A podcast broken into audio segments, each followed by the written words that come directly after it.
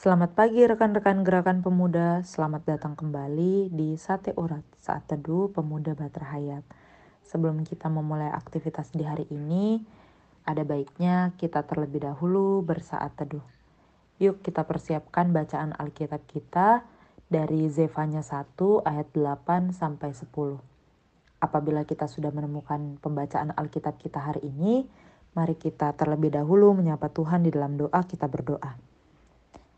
Tuhan Yesus yang baik, terima kasih atas penyertaan Tuhan yang boleh memberkati istirahat malam kami dan boleh membangunkan kami kembali pada pagi hari ini dengan penuh sukacita dan damai sejahtera yang daripada Tuhan. Terima kasih ya Bapa karena kami masih boleh diberikan kesempatan untuk tetap hidup dan melanjutkan kehidupan kami.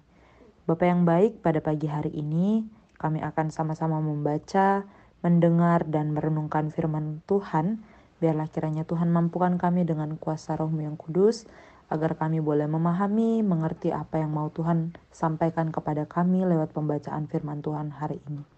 Inilah doa, permohonan, dan ungkapan syukur hati kami. Di dalam nama Kristus Yesus Tuhan dan Juru Selamat kami yang hidup, kami sudah berdoa dan bersyukur. Amin.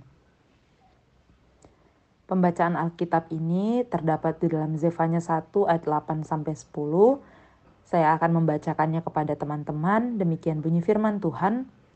Pada hari perjamuan khotbah Tuhan itu, aku akan menghukum para pemuka, para anak-anak raja, dan semua orang yang memakai pakaian asing. Aku akan menghukum pada hari itu semua orang yang melompati ambang pintu dan memenuhi istana tuan mereka dengan kekerasan dan penipuan. Maka pada hari itu, demikianlah firman Tuhan, akan terdengar teriakan dari pintu gerbang ikan, dan ratapan dari perkampungan baru dan bunyi keruntuhan hebat dari bukit-bukit.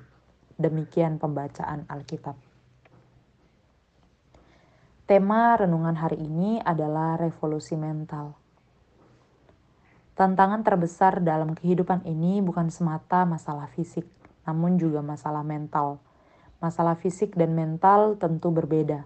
Masalah fisik lebih fokus pada kondisi tubuh seseorang, misalnya karena pekerjaan yang berat dan melelahkan mengakibatkan adanya penurunan aktivitas setiap hari. Hal ini dapat diatasi dengan beristirahat atau rehat. Sedangkan masalah mental lebih pada psikis atau jiwa seseorang. Lalu apa yang dimaksud dengan revolusi mental? Revolusi mental ini lebih pada perubahan dalam kehidupan seseorang yang berkaitan dengan cara pandang, cara berpikir, sehingga menjadi lebih dewasa. Bangsa Yehuda adalah bangsa yang besar, bangsa milik kepunyaan Tuhan. Namun murka Tuhan yang menimpa bangsa Yehuda bukan semata karena pengaruh dari bangsa lain, melainkan karena perbuatan bangsa Yehuda sendiri. Bangsa Israel terjebak dengan kebiasaan yang dilakukan oleh bangsa lain, sehingga mereka membawa masuk kebiasaan bangsa lain dalam kehidupan mereka. Salah satu perbuatan bangsa Yehuda yang terjebak dengan kebiasaan bangsa lain adalah mengubah penyembahan kepada Tuhan menjadi penyembahan kepada berhala. Perbuatan ini jelas bertentangan dengan perintah Tuhan dalam kitab Keluaran pasal 20 ayatnya yang ketiga dan yang kelima yang menyatakan jangan ada padamu Allah lain di hadapanku dan jangan sujud menyembah kepadanya atau beribadah kepadanya. Perbuatan bangsa Yehuda yang mengubah penyembahan kepada Tuhan menjadi penyembahan kepada berhala merupakan tindakan yang sangat menyakiti hati Tuhan bangsa Yehuda tidak belajar dari kesalahan masa lalu. Seharusnya bangsa Yehuda memiliki keteguhan hati dan tidak mudah diatur oleh kondisi dan budaya yang sekitar, sehingga tidak melakukan kesalahan yang sama. Di era teknologi digital, kaum muda hendaknya dapat mengaplikasikan revolusi mental sehingga tidak terjebak dalam pengaruh negatif dari berbagai hal, termasuk teknologi digital. Demikian pembacaan Alkitab dan perenungan Sabda Bina Pemuda. Sebelum kita menutup saat teduh ini, mari kita kembali bersatu di dalam doa. Tuhan Yesus yang baik, terima kasih untuk pembacaan dan perenungan firman Tuhan yang boleh sama-sama kami dengarkan.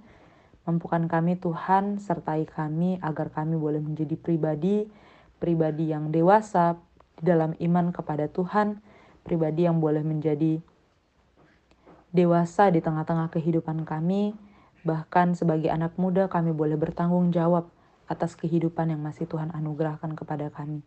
Sertai kami Tuhan di dalam setiap hari kami, Dalam setiap kami berproses menjadi anak-anak Tuhan yang setia, biarlah kiranya Tuhan memampukan kami agar kami boleh terus rendah hati, bahkan boleh menjadi berkat bagi banyak orang. Inilah doa, permohonan, dan ungkapan syukur hati kami ya Tuhan.